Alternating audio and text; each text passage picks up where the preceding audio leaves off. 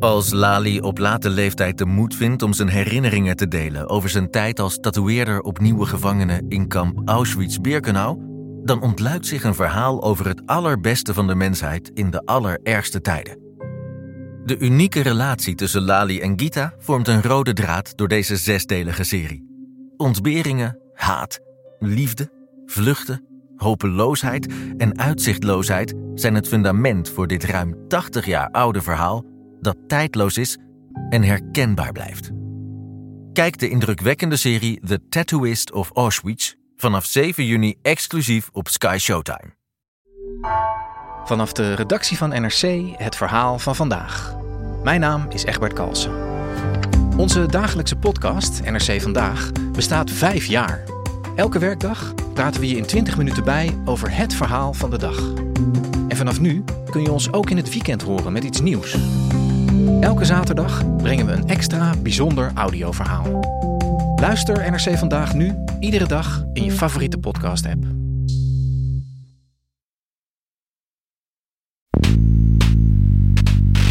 For me, what's very important is to write a book that has almost a novelistic feel to the place. I want my readers to smell Jena, to see how the streets looked like. What did they eat? How did it smell?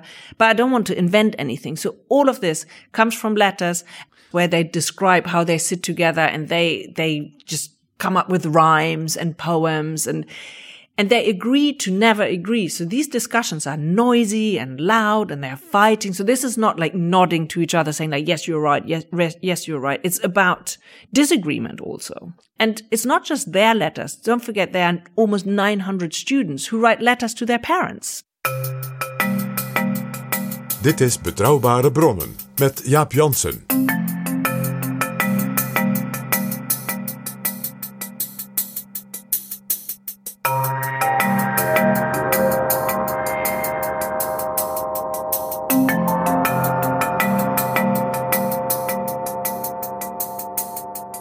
Hallo, welkom in Betrouwbare Bronnen, aflevering 305. En welkom ook PG.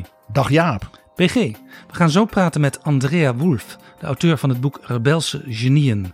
Zij was de afgelopen dagen in Nederland en jij zei meteen: Ik wil haar in Betrouwbare Bronnen. Waarom? Ik droom daar al jaren van, Jaap. En toen wist ik nog niet eens van dit boek. Dat maakte de, de droom alleen nog maar vuriger. Want hoe ken jij Andrea Wolf? Andrea Wolf is de schrijfster van het boek Alexander van Humboldt, The Invention of Nature. Alexander van Humboldt, waar jij het natuurlijk uitgebreid over hebt gehad in één aflevering, maar zelfs meerdere afleveringen wordt hij genoemd. Natuurlijk, uh, al in ons eerste seizoen, want toen, toen begonnen we eigenlijk met natuurlijk de grote Alexander van Humboldt herdenking in de hele wereld. 250 jaar van Humboldt in 2019. Nou, jij weet nog dat Wopke Hoekstra naar Berlijn ging aan de Humboldt Universiteit om de Humboldt-lezing te houden, speciaal in dat herdenkingsjaar. En met ons ook toen heeft gepraat, ook over Alexander van Humboldt. En dat was dus nog maar het begin. Alexander van Humboldt, het grootste genie in wetenschap, ontdekkingsreizen eh, en vooral ook het analyseren van de natuurwetten van misschien wel ja, de Europese en zelfs van de Duitse geschiedenis. Ja, en Andrea Wolf is van Duitse komaf. Ze is geboren overigens in, in Delhi in India. Uh, maar ze woont al meer dan 30 jaar in het Verenigd Koninkrijk. We zullen het gesprek straks ook in het Engels doen. En dat nieuwe boek wat ze heeft geschreven, Rebelse Genieën, dat is een heel interessant boek. Ja, want we gaan met haar en de luisteraars op reis. We gaan naar een heel klein universiteitsstadje in Sachsen, het stadje Jena.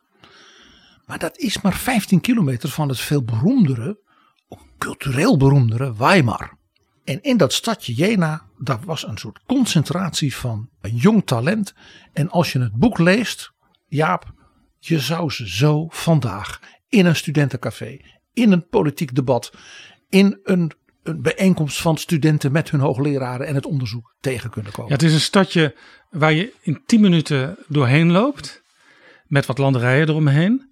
Het had maar 4.500 inwoners en ongeveer 800 iets meer studenten. Dus de, de, universiteit was in dat kleine stadje eigenlijk wel de grote industrie. De dominante factor. Ja, en doordat het zo dicht bij Weimar was, kon dus de grote, beroemde kunstenaars, dichters, wetenschappers van Weimar, zoals Johann Wolfgang von Goethe en Friedrich Schiller, die konden dus heel makkelijk naar Jena en kwamen daar ook vaak. Schiller is er zelfs gaan wonen. En die werd ja, een beetje de afgod van al die studenten en die jonge mensen. En die jonge mensen, dat is ja, heel bijzonder. Dat is een soort concentratie van uitzonderlijk artistiek, literair, eh, wetenschappelijk, filosofisch talent geweest. Die elkaar ook helemaal gek maakten, in de goede zin van het woord.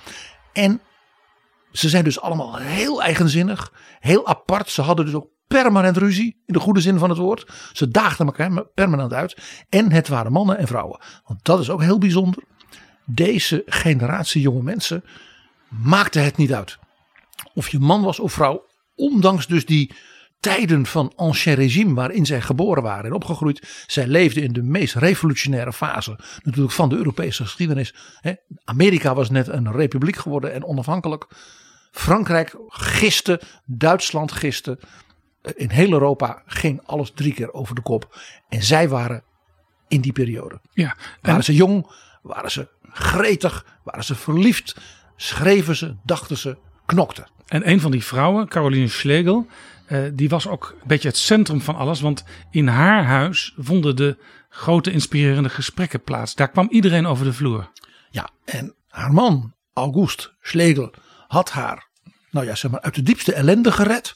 Door haar persoonlijke en radicale leven en haar liefde voor de Franse revolutie. Dat, Ja. dat verhaal dat zal Andrea Wolf wel vertellen. Maar ja, zijn jongere broer was ook helemaal verliefd op haar. En er was nog een nog jongere, toen al wereldberoemde jonge filosoof Schelling. Die was zo verliefd op haar, daar had ze een, ja, een relatie mee. Dus ze had ook nog een open huwelijk. Nou, dan had je ook nog de briljante jong gestorven dichter Novalis. Nou, je hoort het al Jaap. En wie kwam er heel vaak langs om zich te laven en ze ook een beetje af te remmen? Dat was natuurlijk Goethe. Die was meerdere maanden per jaar. Niet in Weimar, maar in Jena bij dat jonge volk.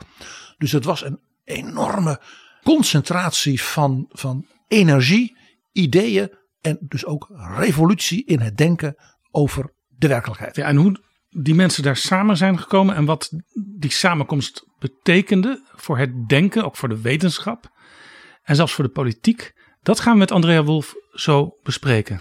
Want Jaap, een aantal van de essentiële kerngedachten van die, zeg maar, die Jena-set zit natuurlijk ook in het werk van Alexander von Humboldt. Nou, het idee dat je snapt al die losse fenomenen, het weer, de oceaan, de bergen, de sterren, de planeten, dat is niet allemaal losse dingen. Dat is één organisch geheel. Denk aan dat grote werk aan het eind van het leven van Humboldt, 60 jaar later, kosmos. Dus die idee van de organische eenheid van de schepping. En daarmee dus ook dat de mens organisch onderdeel maakt als wezen van die schepping. Dat is een erfenis tot de dag van vandaag in ons denken en ons blik ook op de toekomst van dat groepje jonge mensen uit Jena. Ja, en je kunt zelfs eh, stellen dat eh, de politieke actualiteit van vandaag, ik noem het klimaatprobleem en wat de politiek daaraan doet, en ik noem ook de liberaal-democratische rechtsstaat, ja, die kun je voor een deel enten op wat daar al besproken werd. En de opkomst van ongelofelijke heersers die de wereld op hun kop zetten.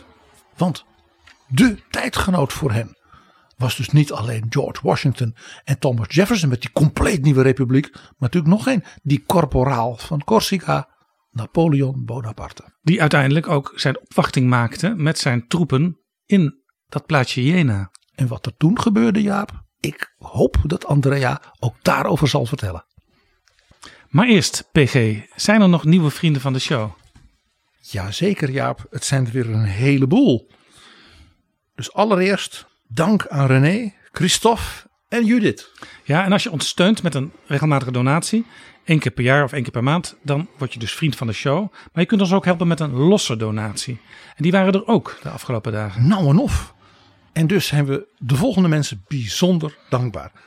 Dankjewel Christa, Jasper, Judith, Eva, Jozef, Leendert en Jilt. Wil je vriend van de show worden of ons steunen met een losse donatie? Ga dan naar vriendvandeshow.nl slash bb. Dit is Betrouwbare Bronnen. Welcome in our podcast, Andrea Wolf. PG, would you like to start? Yes, it's a delight to have you. And you come with a new book. a tome, and it is once more, like your book on Alexander von Humboldt, about a generation of young Europeans who grew up and lived in wild times, an incredible time, exciting, violent, radical, revolutionary in its change, in culture, in politics, social relations, in art, in literature, philosophy, in thinking. And your book is about, in particular, that element. The world went upside down. It was the start of the Industrial Revolution. It would make the 19th century, as Jürgen Osterhammel said, the transformation of the world.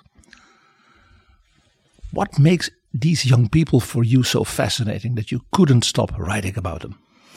Well, I think it's a it's a group of rebellious thinkers and poets who really changed the way we think about us, the world, and nature. So I wanted to I think history is not a pile of old ideas that have nothing to do with us. History gives us an insight to us, to our life today. So I'm interested in history because I want to understand why we are who we are. So for me, this group of thinkers and poets was a window into how we became who we are today. So for example, why are we so obsessed with ourselves? Why do we circle around ourselves all the time? You know, there's a whole generation called the me generation. So that is, that is one aspect. In my previous book about Alexander von Humboldt, I looked at the relationship between humankind and nature in order to understand why we have destroyed so much of our planet today. So this book was almost taking a step from there.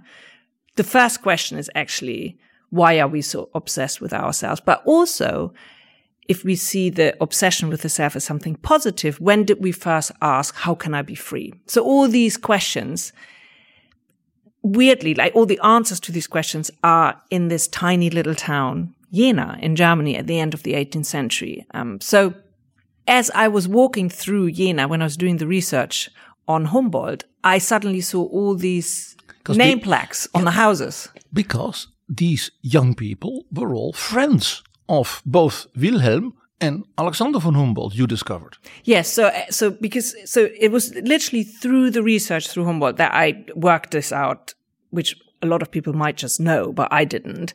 Uh, I did a chapter about Humboldt, Humboldt's friendship with Goethe. For that, I went to to Jena. I saw all these name plaques on the on the houses, and it is literally the who's who of German thinkers and um, poets. And I was just like, oh my God, everybody lived in this tiny little town. And then you know, you dig a tiny little bit deeper and you realize they were all here at exactly the same time. But just, you know, a very short 10 years, basically, just a decade, everybody comes together. And I think there are these moments in history where, where you have a group of incredible thinkers coming together and it, it almost magnifies the, the topics of that time. Um, you know, Jena, have, Jena was a sort of Athens and Florence and maybe even Amsterdam at a different time. Exactly. So you have these moments. You have the, the modernists like Hemingway, Fitzgerald in Paris in the early 20th century. You have the American. Jena was a movable, movable feast like Paris. Well, or I don't know if it was a movable feast. It was, it was very much just there, this little town. But, um, but what's the reason? Um, how did this place become the focal concentration point of this generation?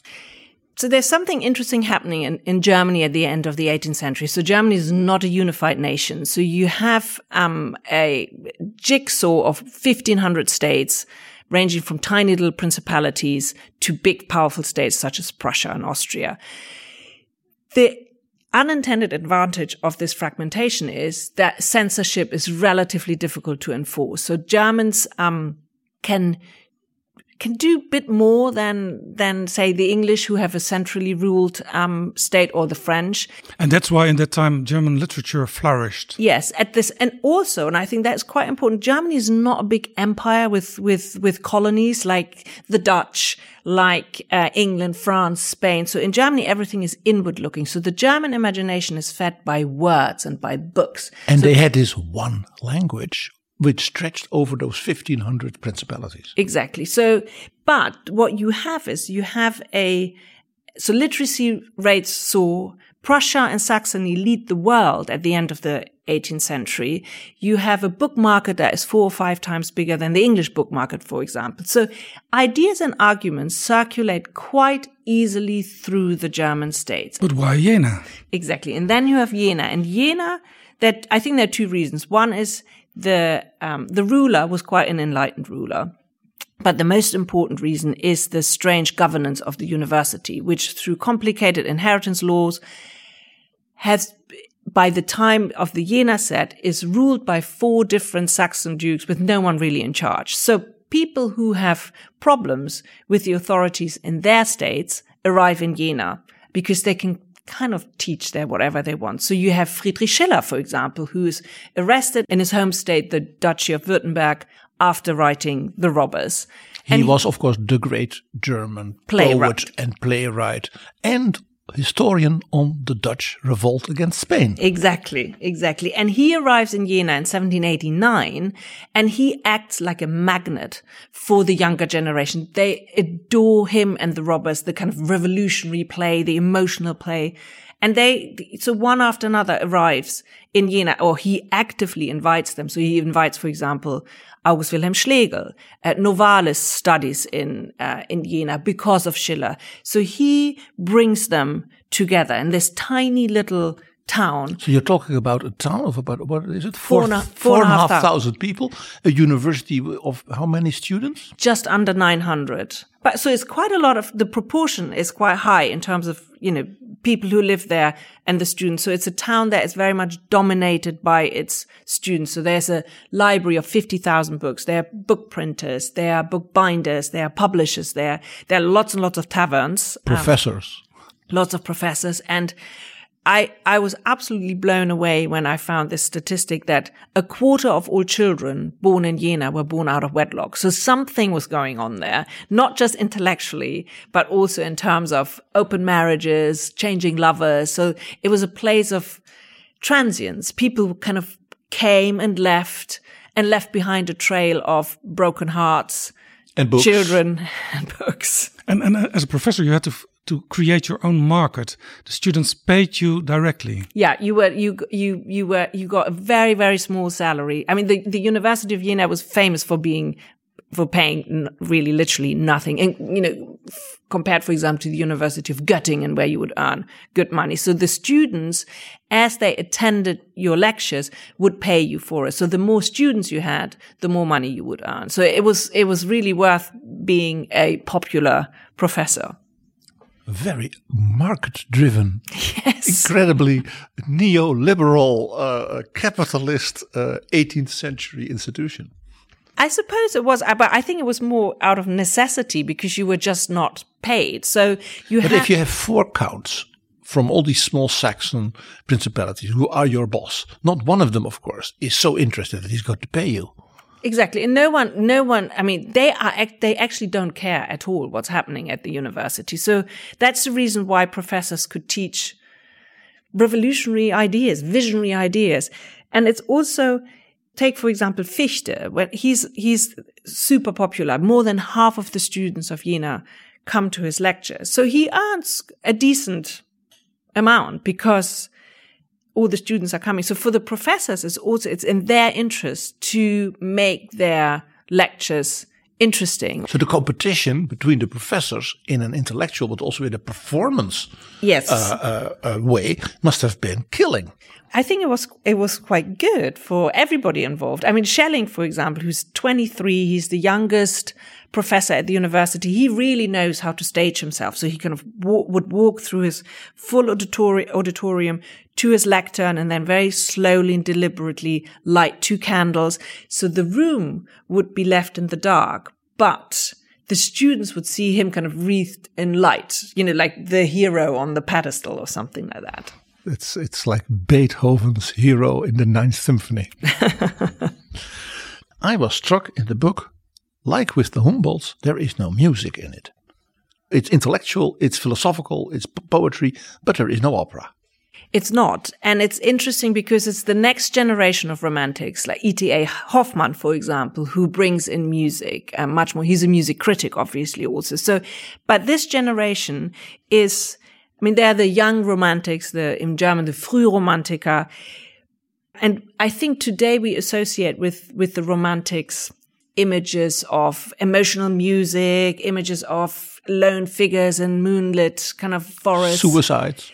But it's that first generation is very different, is very intellectual, is very radical. For them, romanticism is something much more complex and dynamic than, you know, candlelight dinners or something like So that. So the definition of romanticism changed through the years. Yes, cha- and they, and what they thought of romanticism is not what we think today. So for them, it is they call it an organic being. So it's dynamic, and they the, at the at the center of all is poetry, but not the way we understand it today, but in the ancient Greek definition, which means creative, productive. So it's also science. yes, and it's about crossing, transcending boundaries. It's bringing Which, of course, is what Humboldt did. Yes, and with his travels, with his analysis, with his science. So for them, it is just like two elements can create a new chemical compound. They believe that you can bring together different subjects and disciplines. So they bring together the arts and the sciences, but also humankind and nature. And for me, that is what makes them so fascinating and and so different from what we associate with romanticism today. Of course, looking at European and certainly German history, the French Revolution, you know, you say Schiller comes in Jena in 1789, the year of the Bastille and the revolution. Uh, but I have a question before that. Were they not inspired by that other great democratic revolution in the United States? That's a very, that's a very good question, and I've just come back from a one month um, lecture to in America, and everybody asked that there. I think you have to remember when they are born. Most of them are born in the late 1760s, early 1770s, so they're too young to follow the American Revolution, but they are young men and women in their in their early 20s when the French Revolution happens. And so they actually see in front of their eyes what's happening and that is so much more inspiring than something that happens across the Atlantic. So I think it has actually to do just with the timing of their birth. That's why Goethe, who was of course older than they are, that he wrote America du hast es besser. He was much more he in was tune. he and he but he was he was actually of this entire group. I mean he's the oldest in in this group. He's a bit like the stern benevolent godfather of this And group. strangely, also one of the longest living persons in the group. exactly. But he's also the only one who's really against the french revolution. I mean all the others embraced the french revolution at least at the beginning.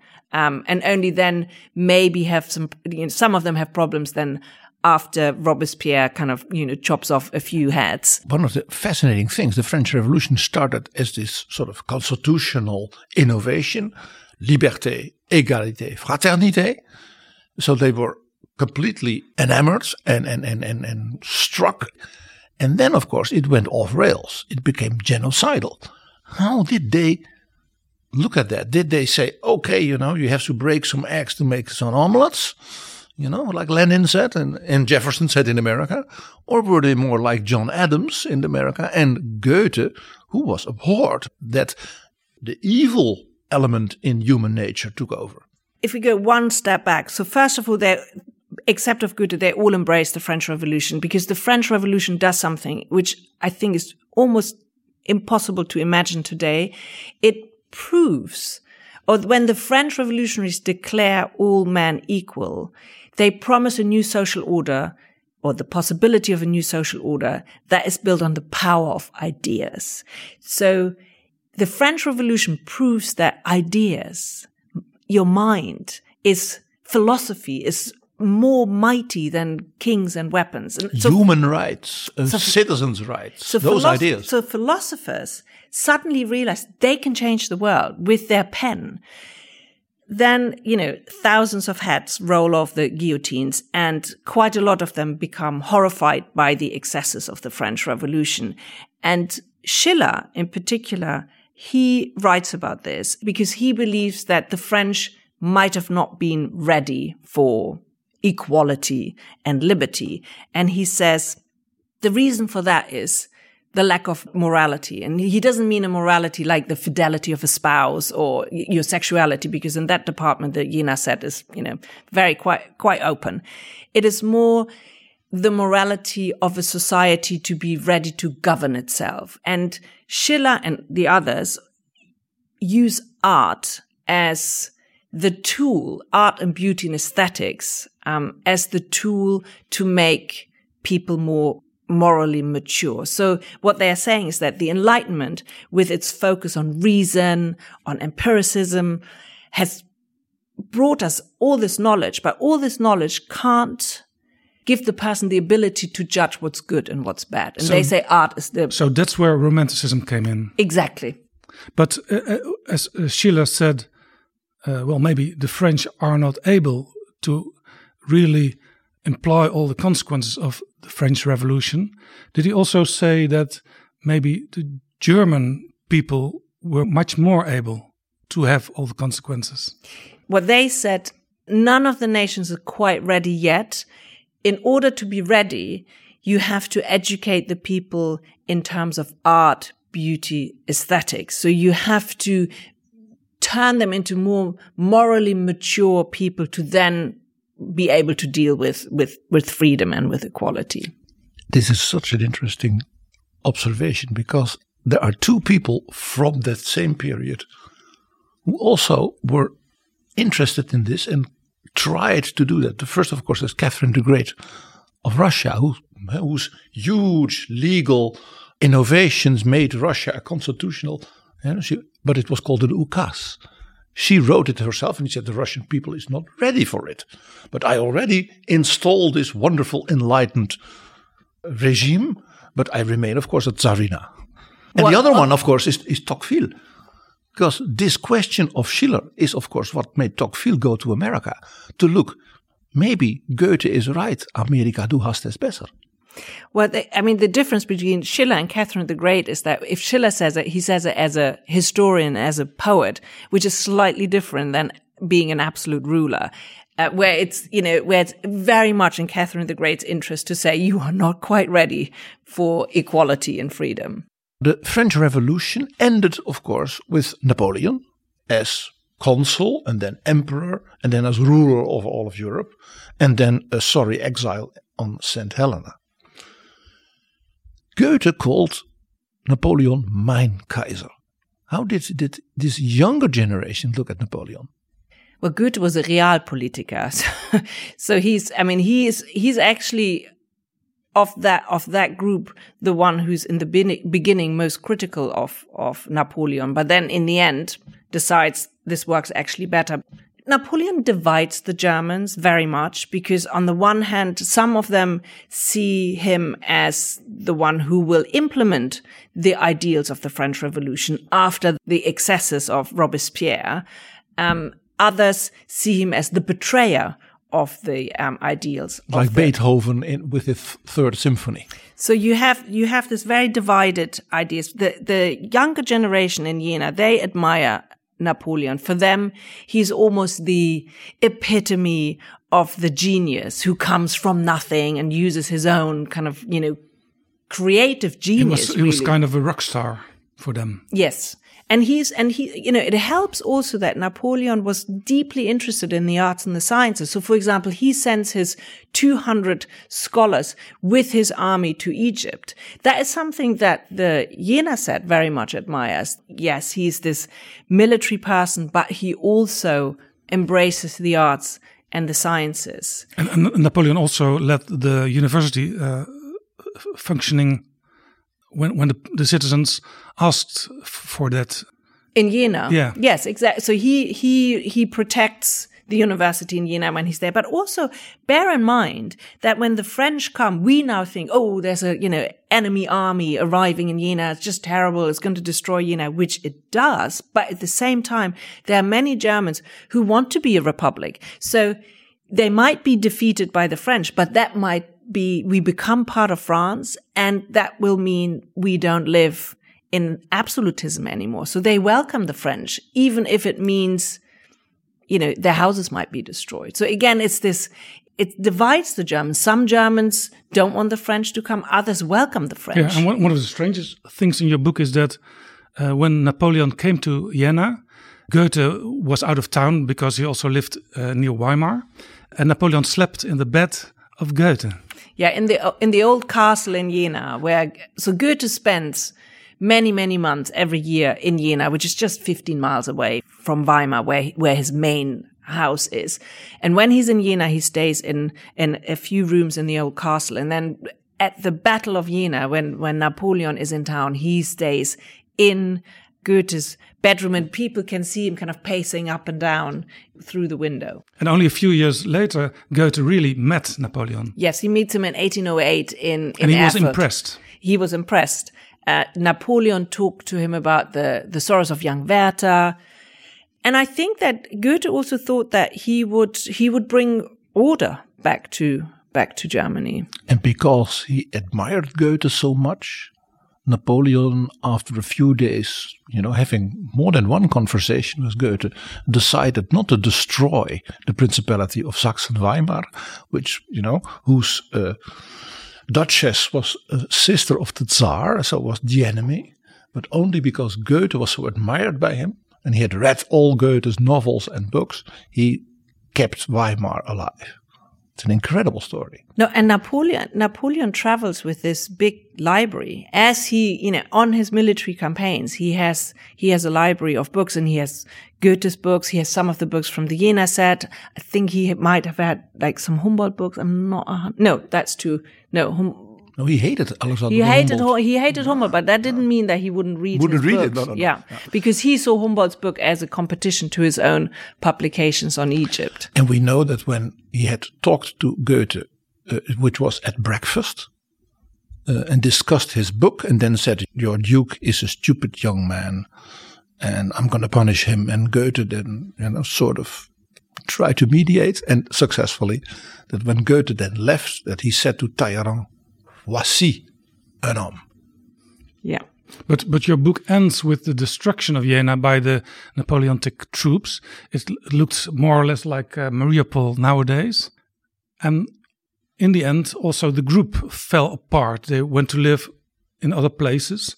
Was this maybe a little bit symbolic? Did he also destroy maybe the the brilliant young minds as well? I think that the destruction, the kind of breaking apart actually happens way before. And I think part of that is actually Caroline, um, Caroline Schlegel, who is really the heart and mind of the Jena set. Yeah, And- it was in her house that all those people met. Me- Exactly. So they, they and she, so she, and but she's much more than just the muse because we tend to describe women in the 18th century who are part of such a group. It's just the muse who creates the physical space, but she was. Or there's this nice woman who has this salon for all Yeah. these men to she's, be brilliant. She's she's much more. She uh, she writes reviews under her husband's name. She is the editor of their literary magazine. She translates with her husband 16 Shakespeare plays. So when her world breaks because her daughter dies and she really crumbles, that's also the moment when the group slowly breaks apart. So by the time Napoleon arrives in 1806, most of them have already left Jena. So you have Fichte who leaves in 1799. You have Novalis who dies in 1801. Friedrich Schlegel and Dorothea Veit leave in 1802. Caroline and August Wilhelm get divorced in 1803 and leave Jena. So by the time that Napoleon arrives, you only really have So, Hegel so left. Caroline So- wasn't so- able to hold the group together anymore. So Napoleon met already a virtual ruin and made it a real ruin. in in a way, I think he was not at that time. He was. I'm not sure how much he was aware of them. What is fascinating for me to see is how when Madame de Stael publishes her book on Germany, which is all about these ideas that are kind of bubbling up in in in He is furious on that book. Napoleon is furious and he pulps the first edition because, the book is too positive about yeah, Germany because and he German ca- culture. He, he cannot. He can just not bear this idea that that Madame de Stael writes a book which praises the Germans over over the French, and she. I mean, she she coins this phrase: "The Germans are a nation of writers and thinkers." He does not like that at all. But that's a bit later. So she publishes that in 1810 or 1811. So this is after the Battle of Jena. So I don't think he's very aware of what is happening there as he arrives with his army. It, Jena is just on his way to Berlin. And that's where the French and the Prussian army come together. Yeah, Caroline was the woman that brought all, all those people together. Was she already also a kind of feminist before feminism really was there? I think so. For me, for me, she really sits at the center of this book. Um, if I introduce her properly, I would introduce her with her four names: um, Caroline, Michaelis, Böhmer, Schlegel, Schelling. That's her father and her three husbands. Father and her three husbands. Um, so not, not, counting that French soldier of eighteen who she, made her pregnant. She was not married to him, so she's she's really a woman who refuses to be restricted by the role that society intends for women at that time. She's born in 17 1763. She's the daughter of a famous German um, scholar. She's brought up on a diet of literature, poetry, and politics. I, was fascinated to read that Benjamin Franklin Visit. visited the house of her parents. And Goethe. I mean, she, so she meets a lot of famous um, people around her father's table, basically. She speaks several languages fluently. She's very educated. She's fiercely independently mind, minded. And then so she's she gets ma- she marries very early on when she's in her, when she's 20 she's a widow by the age of 24 she then hangs out with the german revolutionaries in mainz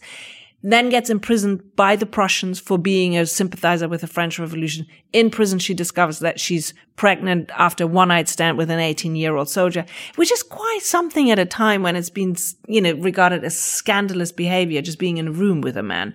So there, in a way there was no future anymore for her Absolutely not. She was called a revolutionary whore. She kind of zigzagged through Germany. And then August Wilhelm Schlegel comes, marries her, gives her a new name and a new beginning with that, and takes her to Jena. And there she becomes the heart and mind of the Jena set. They come to this very unusual arrangement of an open marriage. His younger brother is in love with her. She then takes Friedrich Schelling as her lover. He's 12 years younger. August Wilhelm doesn't really mind because he has his own lover. So there's a lot of, I mean, this book is about big ideas, but there is also a bit of a soap opera. There's lots of scandals. And there was there. no jealousy in this marriage? No, there wasn't because I think it was a, it was a, it was a marriage of convenience in a way. And they were really good friends. So when, when her daughter Augusta dies in 1800, age 15, and her world really crumbles and collapses, it's not her lover, Schelling, who comforts her. It's her best friend and husband, August Wilhelm Schlegel. Although she's already together with Schelling, it is August Wilhelm who is there for her and helps her. And, and their letters, even when they are separated, are very tender and very loving. It's, inc- I mean, the, those letters are incredible to read because there's so much respect and, um, and tenderness and friendship between them. If you look at this very special, you call it, Jena set, is this the first time, let's say, in European cultural history in which men and women, not just as muse and you know servants and, and being uh, adored, but are equals, are each other's inspirations. I, th- I think it has happened. It has happened before. There are some very important women um, for men who work together um, and only you know later on we kind of work out that that's what's happened because obviously when they publish everything that is published under the name of the husbands and the and the man so i don't think they're the first but they are very outspoken in particular friedrich schlegel about his belief that men and women are equal. Others in the group, like Fichte, don't believe that at all, or, Schell, or um, Schiller is uh, Schiller very much believes in the traditional the roles the you know the women are at home and compliant and beautiful and lovely and the man is you know creates the kind of public persona. But Friedrich Schlegel writes about it. August Wilhelm Schlegel very clearly does not have a problem having a strong wife. Um, so he must believe in the in in in in this kind of that women are strong and equal. I mean, Dorothea Veit, who is Friedrich Schlegel's lover, she also. She's my uh, favorite woman in the book. Is she? Yes. Really? Oh no, mine is Caroline. Yeah, definitely. of course. I, I know. but but but her, you know her life in Berlin, and then you know go for the adventure, and you know also in her personal life, being Jewish, and then so you know out front, so but also, provocative. also, even. also, I mean, she she's she gets divorced uh, and risks not seeing her children ever again. Uh, yeah, she. I mean, she's absolutely fascinating. I think my problem with her later on is that she becomes quite bitchy um, and turns against Carolina, and it's a bit like. Why, why are you writing such horrible things about her? Which Carolina obviously didn't know at that time because it's in the letters, which Carolina didn't didn't see. They wrote tens of thousands of letters. It, it, it must not have been possible to read them all for you. Well, I, I spent five years doing this book, so I've read quite a lot. I would say. Uh, for me, the the let I mean the letters are. First of all, there are thousands and thousands. So it's letters. sort of a stream of consciousness. Those letters. But but no, I don't think so. It is, but it is a window into their life. You know, it, the, these letters bring alive how the friends lived, gossiped, loved. It gives you an insight um, that is very different to reading their works because the works their public persona, but their letters that's their private life. And because these are poets, the letters are beautifully written. Because for me, what's very important is to write a book that has almost a novelistic feel to the place. I want I want my readers to smell Jena, to see how the streets looked like. What did they eat? How did it smell?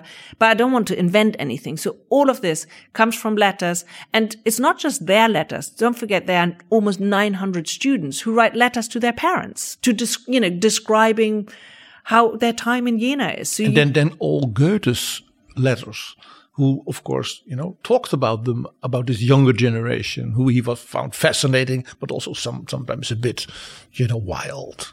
So that gives another perspective.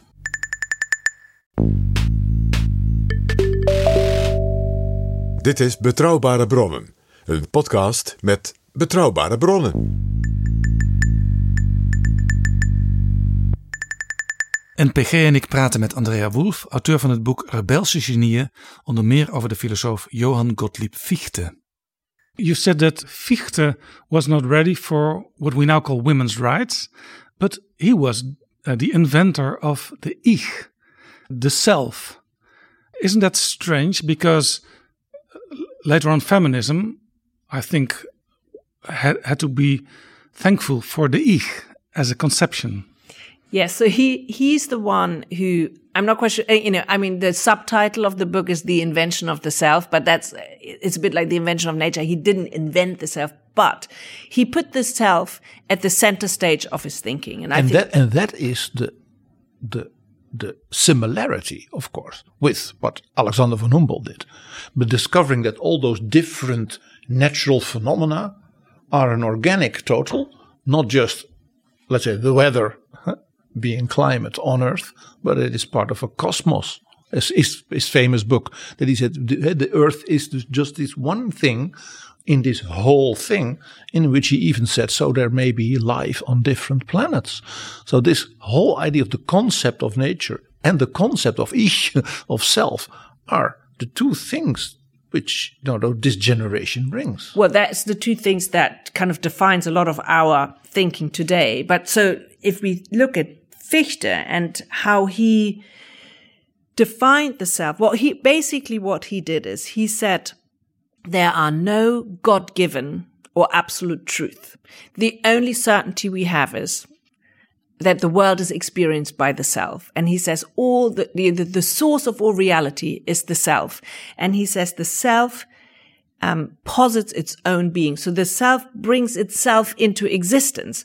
Now that doesn't sound very exciting maybe for us because we're so used to understanding the world through the prism of our self and our mind. But at that time, it was a radically new idea because for centuries, philosophers and thinkers had said that the world is ruled by a divine hand.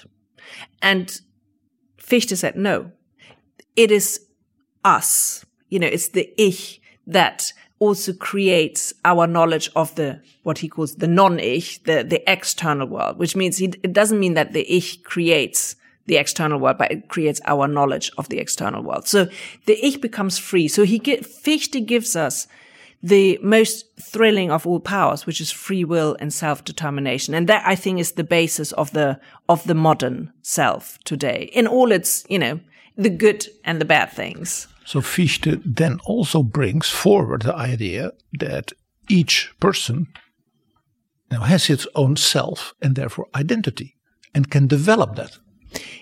He, yes. So he, he basically puts the self into the center of everything. And behind this, I think, are two crucial questions. Who am I as an individual and who am I as a member of a society? How can I live a fulfilled life in which I follow my dreams, but also be a good member of society? And I think the pandemic is the best example for that. So on the one hand, you know, millions of us gave up our basic rights because we believed it was for the greater good. And then a few of us said their personal liberties are more important. And the, this tension between free will and selfishness, the you know great possible, breathtaking possibilities of free will, and the pitfalls of narcissistic kind of behavior. That's at the center of this book. This idea: how can we be free without centering too much around ourselves? And that's where Fichte is obviously very important because he's been accused even during his lifetime of you know, the fetishism of the self, but he never um, intended a kind of narcissistic celebration of the self. The Jena said, set this ich free with the intention of creating a better society at a time when most of Europe was still held in the, you know, iron fist of absolute. So Fichte might not be happy when he came into this world of 2022 and saw all those people obsessed with the self also nowadays through the internet and social media. Yeah, so what Fichte said is freedom always comes with its responsibility and our moral obligations.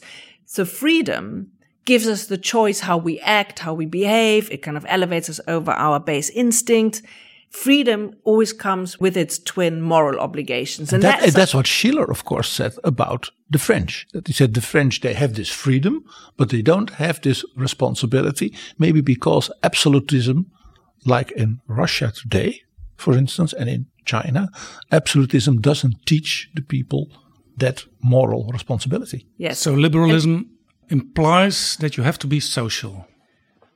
And and and that's what I think. This is why this is a, very important story because right now I think so. We think we are free to think, we are free to form our opinions, we are free to determine our lives. But if you look properly around us, this very core of our democratic societies is under threat, be it through Russia's cyber interference with democratic elections, be it, the, be it fake news, or look at the the um, U.S. Supreme Court's decision to reverse Roe versus Wade. You know, women can't, well, in Poland and the, and, and abortion rights. So women can't even decide about their bodies anymore. Uh, so I think it's in our, it's, it's important to look at when is, when is the birth of our free self and how much do we want to fight for this self-determined self at a time when we are manipulated by despots, by liars, and by um, right-wing populist is, is, is maybe uh, what happens now in the world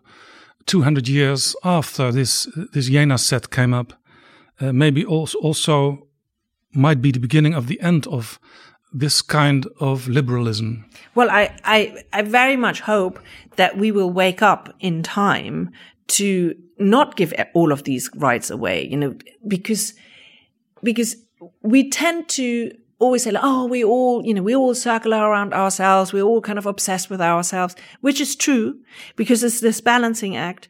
But the free self is something in, that's the building block of our Western society. So we don't really want to give that away but we want to be aware of this balancing act that we don't slip into it's just about me and you know the me generation and the TikTok generation who's like hypnotized by their own images on their smartphones. Of course, that's the negative side of it, but the positive side of it is a free democratic society. One of the things which of course is very very striking in your book, both the Humboldt book and the Jena set book, is that through Goethe, in particular, but also the Humboldt brothers, the Jena set was connected, let's say, to a European, even global community of cultural innovators, scientists, thinkers. As Jaap always said, they knew everybody, all of them. Now, which of those friendships and relationships, let's say outside Jena, were for you the most surprising in the sense of the most productive? I, I, I don't know. I think for me, it's not so much one particular one. For me, it's, it's always the group together. That's the reason why I love writing group biographies because we, we tend to, you know, we put like Goethe on a pedestal or Schiller on a pedestal, but none of us works in a vacuum. You know, we always are in a in a big social context. Yeah, in your in your book, you quote uh, Novalis, the poet.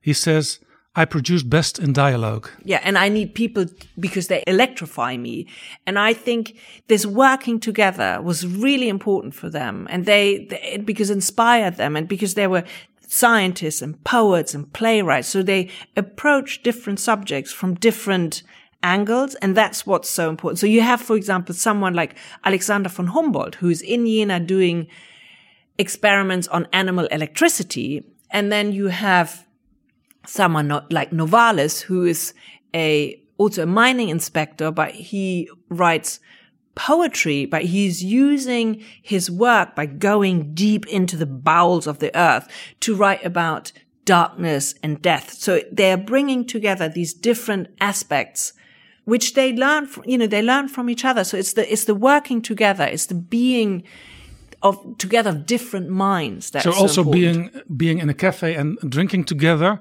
might produce new poems the next day.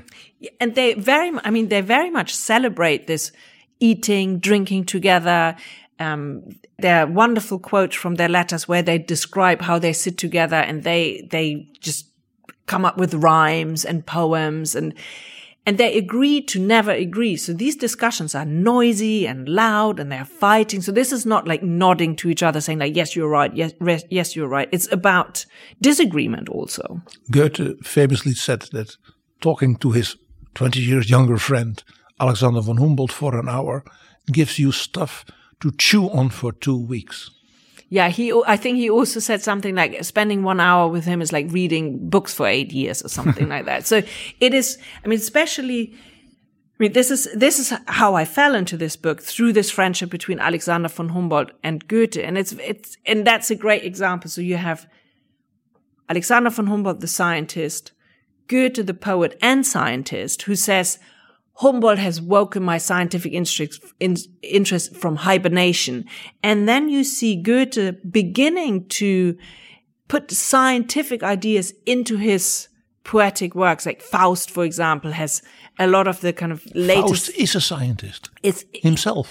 Faust, and Faust is like Alexander von Humboldt. As when you when you see how Goethe describes Faust, is, and he writes. I mean, he pulls out pulls out his manuscript after Humboldt left, almost as if Humboldt's personality inspired him because Faust is, has this kind of relentless, kind of restless searching for knowledge, what the, you know, what, how the world is kind of put together. Faust and, wants to conquer the world and even sells his soul to the devil in order to do that. What did Humboldt do?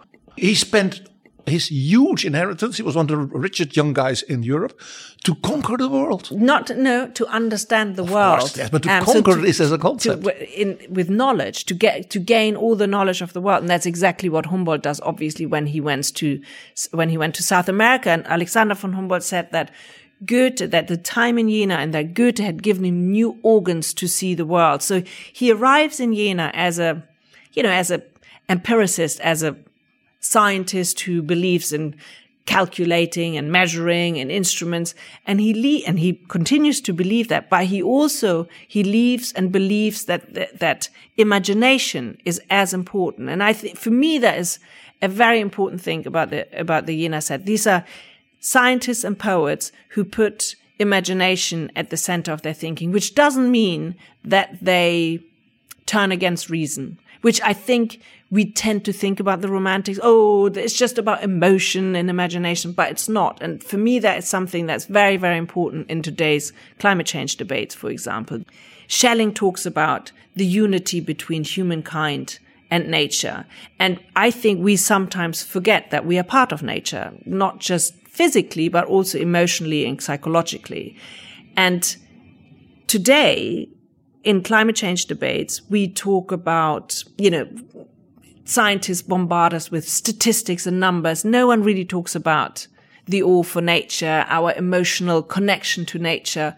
And so that, the debate is too technocratic. I think it's too technocratic. And uh, again, just like the romantics, I'm not saying that's not important. I think we need we need, need that scientific we need, analysis. We need that, the projections. That's incredibly important. But sometimes we also need artists and poets and writers to convey the meaning of these numbers and projections. Because there's for me one great example there was a few years ago david attenborough's blue planet had one episode where an albatross fed its chick with plastic. And it was such a shocking image that after that, we had made some legal changes and plastic bags were not allowed to be just given to you in a supermarket. You have to pay for them, which has obviously reduced the use of plastic bags. Now, we all knew before how bad plastic is, but it was the visual, the film that made it so shocking. And I think in that respect, we, we need, we need different avenues to talk about the implications of the climate crisis, not just numbers and figures. And, and, and that is something where the early romantics, I think are very, very important just to learn a little bit of a lesson, how you can use arts and science together. There is another legacy from, from what you talk about, and that is this idea of the Ich as a unique identity is of course the basis of Wilhelm von Humboldt's Bildungsideal. He said the role of education is not to make farmers' children farmers, but to make children citizens. Very important. Yeah. And that is the basis, of course, of every educational and knowledge, you know, revolution, innovation, and policy since 1810. And it's something that Wilhelm von Humboldt, I think, got from his time with the Jena set, the importance of the mind and then he takes that when he's the Prussian education minister and he founds the first University of Berlin, which then becomes a research university. So it's not just that professors tell students what to do and how to learn, but students learn how to learn. Um, and that becomes a role model for many, many, many universities after that. It is what Osterhammel says in his book that there are two great legacies of the German culture of that period, of the early 19th century. And he says that's classical music and the university. And as a universal concept, which is everywhere in the world. And and the and this idea of this university is based on the idea yeah. of the self, exactly, yeah. from Jena. And, and of course, from that idea of this unique aspect of the self, that of course became infused with the French Revolution, with the rights of man and the rights of the citizen. And that is, of course, what we now call human rights. The basis of human rights is the individual, of course. So that, that comes from there. And, but now the, the interesting thing about this is also to kind of also look at the negative sides of this is that especially in human rights, which has been so focused on individual rights, what is, what about the rights of indigenous people as a group, for example. So it's a very Western concept, the ich, the self, the individual. Um, and it, it stands in contrast to how other societies function. Nowadays, you have in some countries like, like the Netherlands, uh, the party uh, for the animals. People thought that was crazy stuff. Uh, what's that? A party for the animals? But in the thinking of Fichte, uh, you might say when you destroy nature, you destroy the ich. So animal rights and the rights of nature are also human rights. The, well, there's a there's a whole um, there's a whole um, movement, you know, the the non-human rights for nature. So the, the what is the right what rights do, does nature have? And I think there's Schelling's idea and Alexander von Humboldt's idea that nature is this kind of interconnected whole, that it's a living organism that nature, that ourself and nature is effectively identical, which means if we go into nature, it's always self-discovery. We are part of nature. If we destroy nature, we also destroy ourselves. So if you look at selfishness, in quotations, historically correct, we also ought to protect our planet because in order to look after ourselves, we also need to protect the planet because we are part of this. Even tussendoor, PG, we moeten het er toch ook in deze aflevering even over hebben. Zouden Goethe, de broers van Humboldt, de broertjes Schlegel en al die anderen in Jena ook al bamboe gedragen hebben? Nou, daar zeg je wat. Goethe was ongelooflijk gefascineerd door China en de Chinese cultuur. Panda's daar eten die bamboe.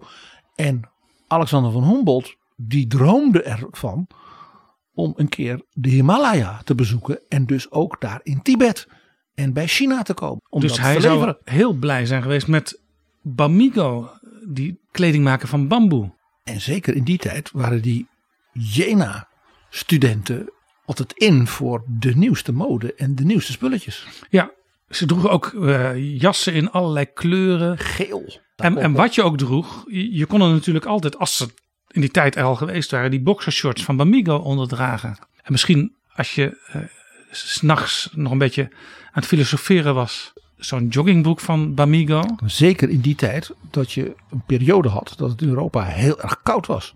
Of in het café een overhemd van Bamigo, want dat is een van de nieuwe producten die ze daar maken.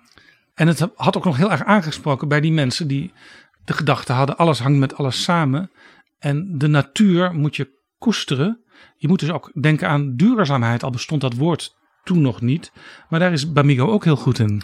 Nou, dat is eh, helemaal in de sfeer van Alexander van Humboldt en de bescherming van de, tropische regenwouden en de Andes waar hij rondtrok. En ja, in die tijd, ook die filosofen, die zaten vaak eh, zonder geld. Dus die waren ook heel blij geweest als ze 25% korting hadden kunnen krijgen. Wat speciaal voor jou als luisteraar van betrouwbare bronnen nu aan de orde is. Dus let even op. Met de code BRON25, dus gewoon aan elkaar geschreven, BRON25, kun je op de website van Bamigo, bamigo.com, nu korting krijgen op je eerste bestelling. BRON25.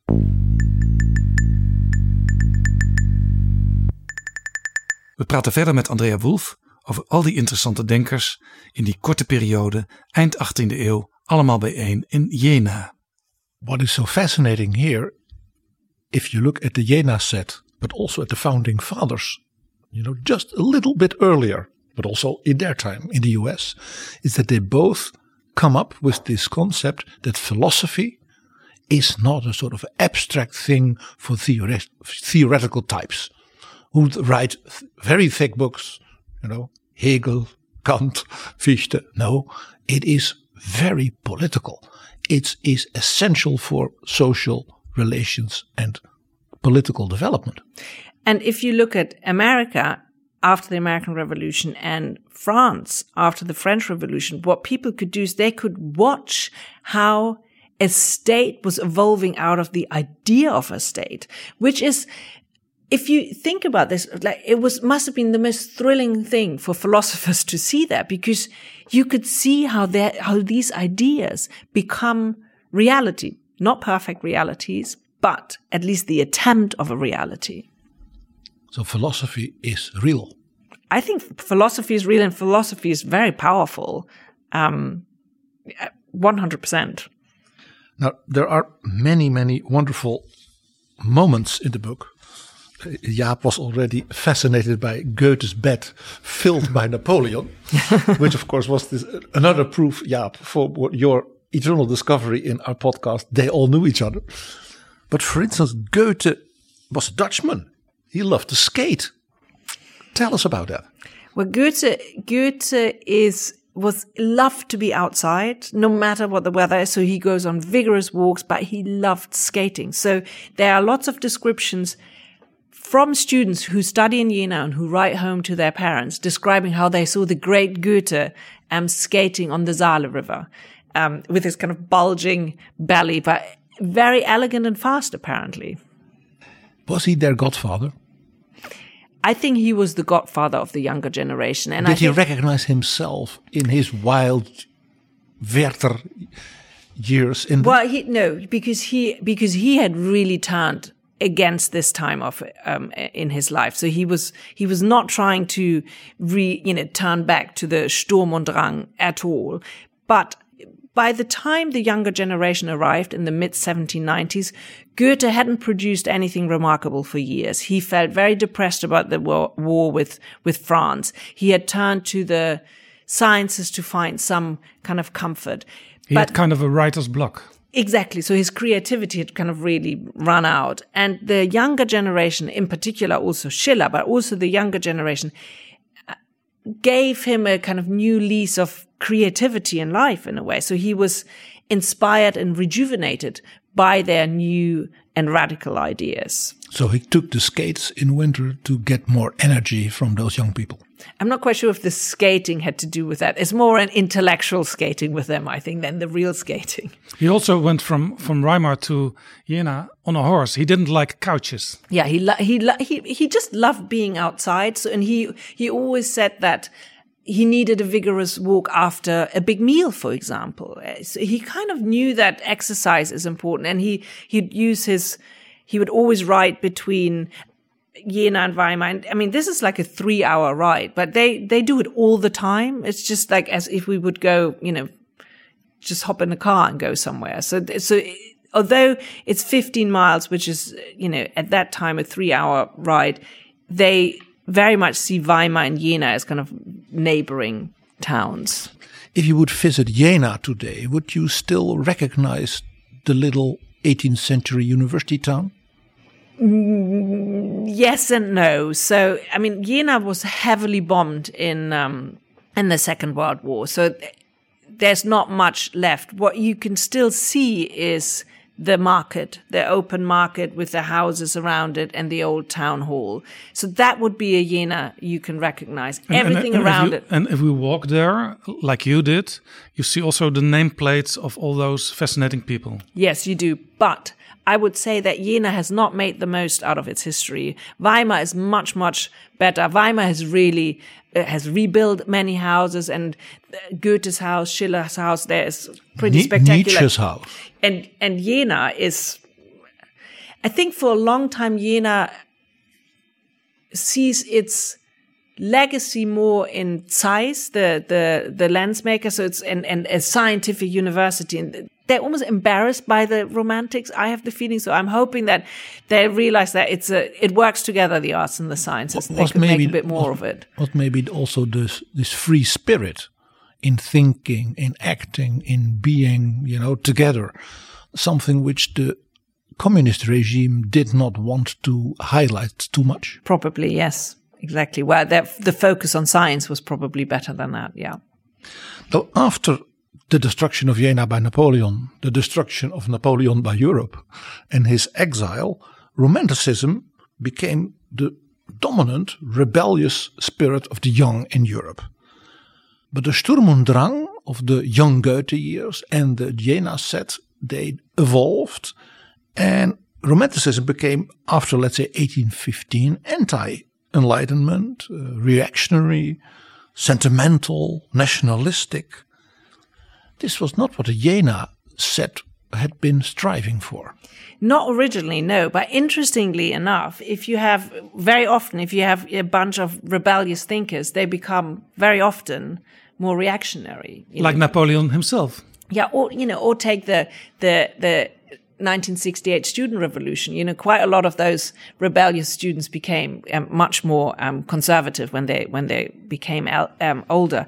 What's interesting to see for me, for example, is when you look at Fichte, who liberated the self, but then after Napoleon, uh, he gives a series of lectures, which is called the Addresses to the German Nation, in which he talks about really the self of a nation because Napoleon, you know, in his eyes, um, had destroyed so much. So he is focusing on the same language. You know, the, the different German nations are speaking the same na- the, same language, and that's why it should be a nation, which was then later used by the Nazis. Um, so, so there is this, there is a shift in the in the second generation of romantics towards nationalism, towards um, looking back at Germans' um, folklore and fables and finding this, you know, the, the, the Germanness. And that's not what the first generation was looking at. And quite the opposite. They were very, very international, um,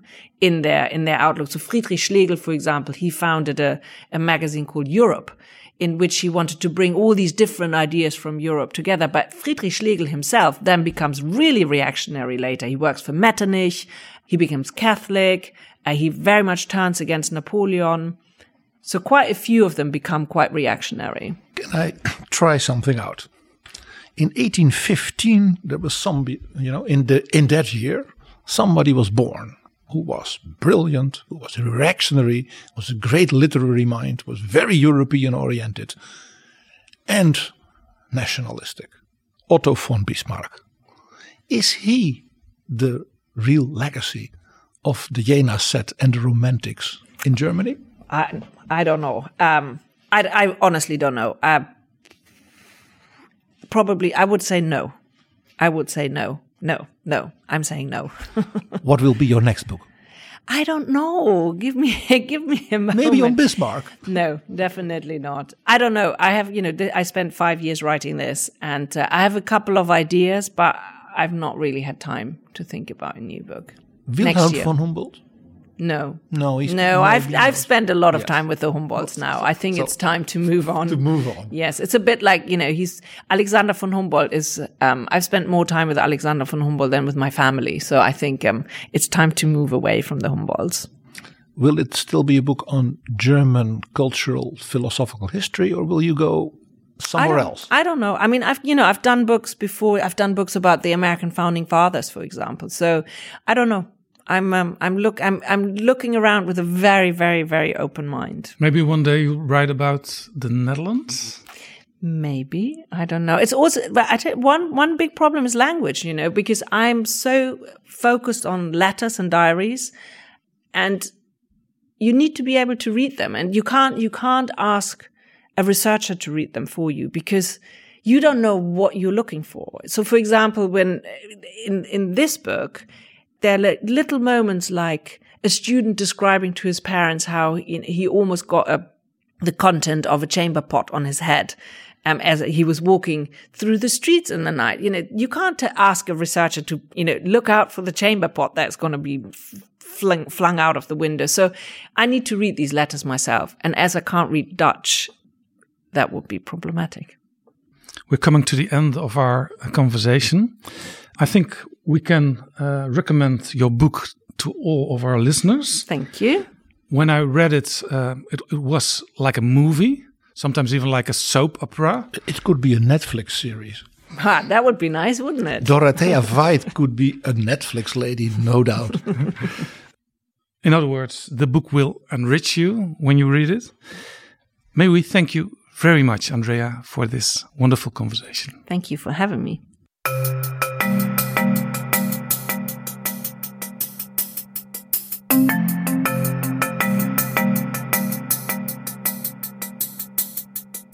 Dat was een zeer interessant gesprek met Andrea Wolf.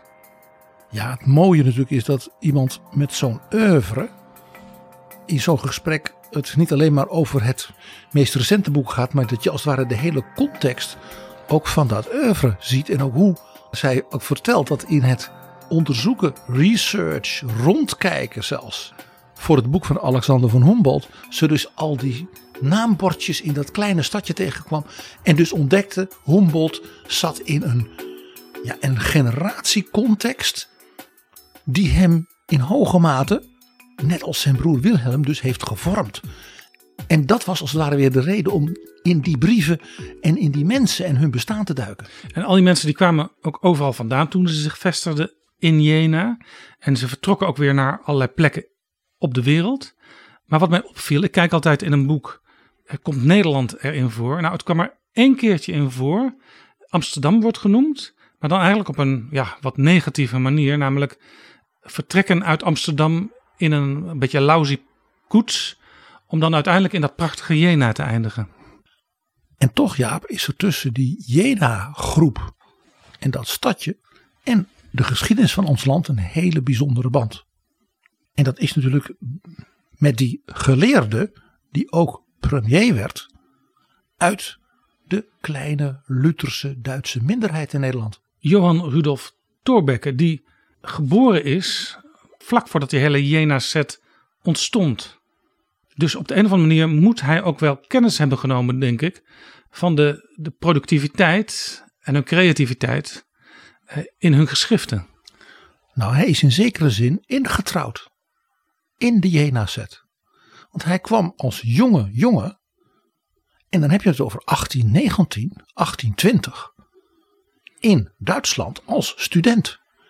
En ging naar universiteiten als die van Göttingen en natuurlijk naar wat toen, dankzij Wilhelm van Humboldt, de universiteit in Duitsland was geworden, die van Berlijn, door Humboldt bedacht en opgericht. En waar ook uh, mensen doseerden die nog in Jena hadden gewerkt of gestudeerd. In het bijzonder de grote inspirator van Thorbecke, de jonge Thorbecke, de dichter en filosoof en vertaler en de man met een enorm oeuvre, meneer Ludwig Tieck. En Ludwig Tieck had in Jena gezeten en was dus alle avonden thuis bij Caroline Schlegel. Was bevriend met Novalis, ontmoette er Schelling, Goethe, Schiller.